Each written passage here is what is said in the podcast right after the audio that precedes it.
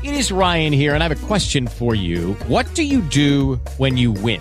Like, are you a fist pumper? A woohooer, a hand clapper, a high fiver. I kind of like the high five, but if you want to hone in on those winning moves, check out Chumba Casino. At ChumbaCasino.com, choose from hundreds of social casino style games for your chance to redeem serious cash prizes. There are new game releases weekly, plus free daily bonuses. So don't wait. Start having the most fun ever at ChumbaCasino.com. No purchase necessary. VGW. Void were prohibited by law. See terms and conditions. 18 plus.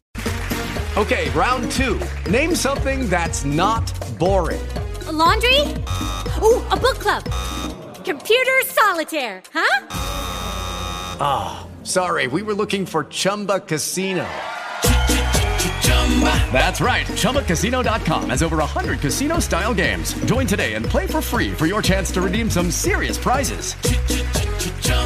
ChumbaCasino.com. No purchase necessary. Were prohibited by law. 18 plus terms and conditions apply. See website for details.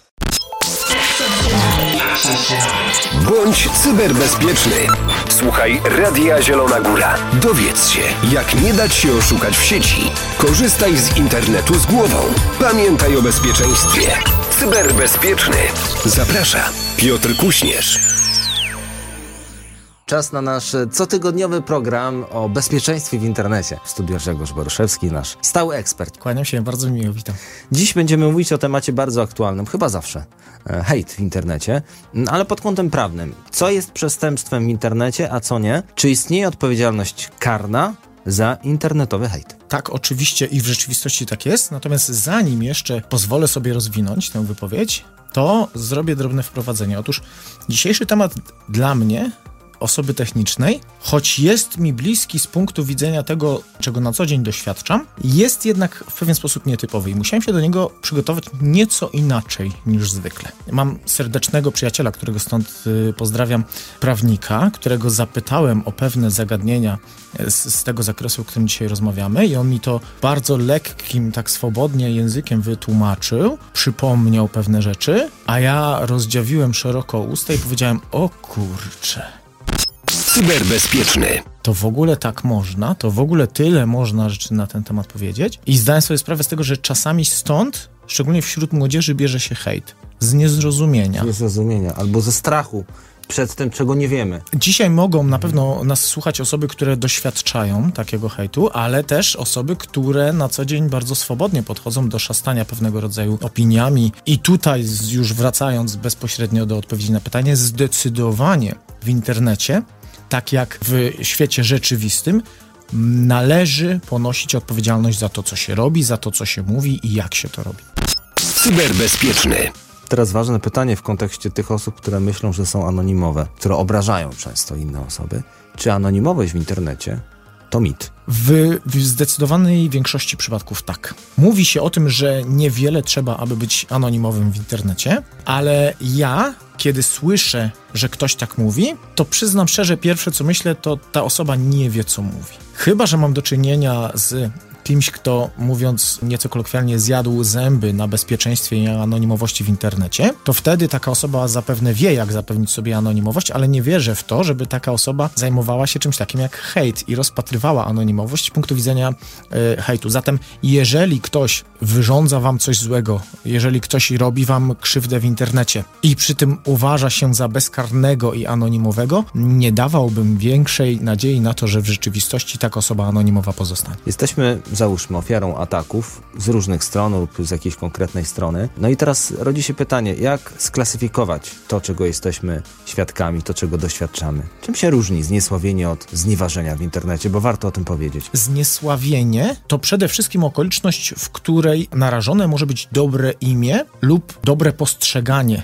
podmiotu. Czyli na przykład, jeżeli wyrażę się o kimś, że a ten ktoś to współpracował z tym i z tym, a ten to jest przestępcą i tak dalej, i tak dalej. Teoretycznie samo takie sformułowanie przez osoby trzecie nie zostanie odebrane jako obraźliwe, prawda? Ciężko powiedzieć, żebym kogoś obraził w ten sposób, ale formułując tego rodzaju uwagę, naruszyłem jakby bezpieczeństwo tej osoby pod kątem właśnie dobrego imienia, zaufania do tej Czyli osoby. Czyli nie tylko sfery prywatnej, ale również zawodowej. I przede wszystkim naruszenie zaufania, podważenie zaufania do podmiotu. Natomiast znieważenie to jest sytuacja, w której godzimy jakby w emocje. W sposób obiektywny jesteśmy w stanie ocenić, że użyto sformułowania obraźliwego wobec osoby i ta osoba ma prawo czuć się emocjonalnie źle, będąc w ten sposób traktowaną. To jest znieważenie.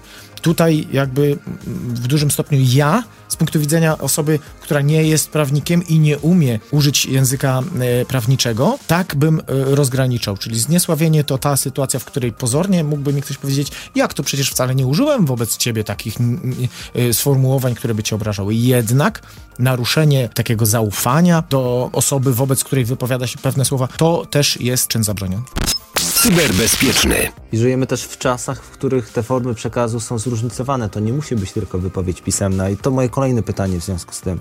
Jakie mogą być formy hejtu? Oprócz tej typowej, standardowej, klasycznej, nazwijmy to, wypowiedzi pisemnej. Tak, i to przede wszystkim chciałbym podkreślić. Jeżeli ktoś nawet utrwala nasz wizerunek bez naszej wiedzy i zgody, wykorzystuje go w kontekście, który godzi w nasze dobre imię, który powoduje, że czujemy się niekomfortowo. Jeżeli ktoś publikuje na przykład memy z użyciem naszego wizerunku, jeżeli ktoś publikuje grafiki, jeżeli ktoś publikuje jakiekolwiek treści, które godzą w nasze dobre imię i powodują, że czujemy się niekomfortowo, to jest hejt. Nie ma prawa taka osoba zachowywać się wobec nas w ten sposób. Cyberbezpieczny. Co powinniśmy zrobić, jeśli padliśmy ofiarą mowy nienawiści, bo hejt to jest ogólnie mowa nienawiści w sieci? Do Tak. kogo powinniśmy się zgłosić? Przede wszystkim powinniśmy zadziałać dwutorowo. Po pierwsze, wypada uwiecznić, zarejestrować taką sytuację. Jeżeli możemy zrobić screena z na przykład wpisu, który godzi w nasze dobre imię, zróbmy to, zabezpieczmy dokumentacja to. jest bardzo Dokumentacja. ważna. Po drugie, zgłaszamy taki fakt na policję lub bezpośrednio zgłaszamy zawiadomienie do prokuratury, powinniśmy e, zgłosić administratorowi strony internetowej o tym, że takie treści zostały opublikowane. Administrator takiej strony internetowej, czy też właściciel przykład forum internetowego, nie ponosi odpowiedzialności za te publikowane treści do momentu, w którym zostanie skutecznie poinformowany o tym, że takie treści zostały opublikowane i jeżeli w tym momencie skutecznie poinformowany nie podejmie interwencji, już ponosi odpowiedzialność za tego rodzaju publikacje. Zatem policja, sąd Owszem, ale i administrator takiej strony internetowej, dzięki której stronie może taka publikacja mieć miejsce. I trzecia sprawa, do której gorąco zachęcam, fundacje, inicjatywy. Mamy stronę internetową dyżurnet.pl, saferinternet.pl. To są przebogate źródła wiedzy, nie tylko na temat szeroko pojętego hejtu, ale też pokazujące krok po kroku, co należy zrobić w takiej sytuacji. Cyberbezpieczny. No i myślę, że kolejne takie bardziej specjalistyczne pytanie, ale też bardzo ważne. Kiedy powinniśmy założyć sprawę na drodze cywilnej, a kiedy na drodze karnej? Sprawa karna będzie miała miejsce wtedy, kiedy zachowanie osoby godzi w ogólnie przyjęty porządek prawny. Czyli jeżeli ktoś popełnia wykroczenia, popełnia przestępstwo, jeżeli dobrze wiemy, że nie powinno się kraść, nie powinno się naruszać nietykalności cielesnej, to jest godzenie w ogólnie przyjęty porządek publiczny i z tego jakby tytułu będzie miała miejsce sprawa karna. Sprawa cywilna będzie miała miejsce wtedy, kiedy będziemy chcieli na przykład uzyskać zadośćuczynienie za straty poniesione w wyniku działania lub zaniechania. Co ważne, one się wzajemnie nie wykluczają. wykluczają. Jedna i druga mogą iść w parze, gdyż zadość czynią innym okolicznościom. Pamiętajmy, myślę, że to jest bardzo ważne, że każde nasze słowo ma swoją wagę i może być przedmiotem postępowania takiego czy innego. Do świadomego korzystania z sieci, z internetu dziś zachęcał Państwa Grzegorz Boruszewski, nasz stały ekspert. Dziękuję pięknie. Dziękuję również, do usłyszenia za tydzień. Bądź cyberbezpieczny.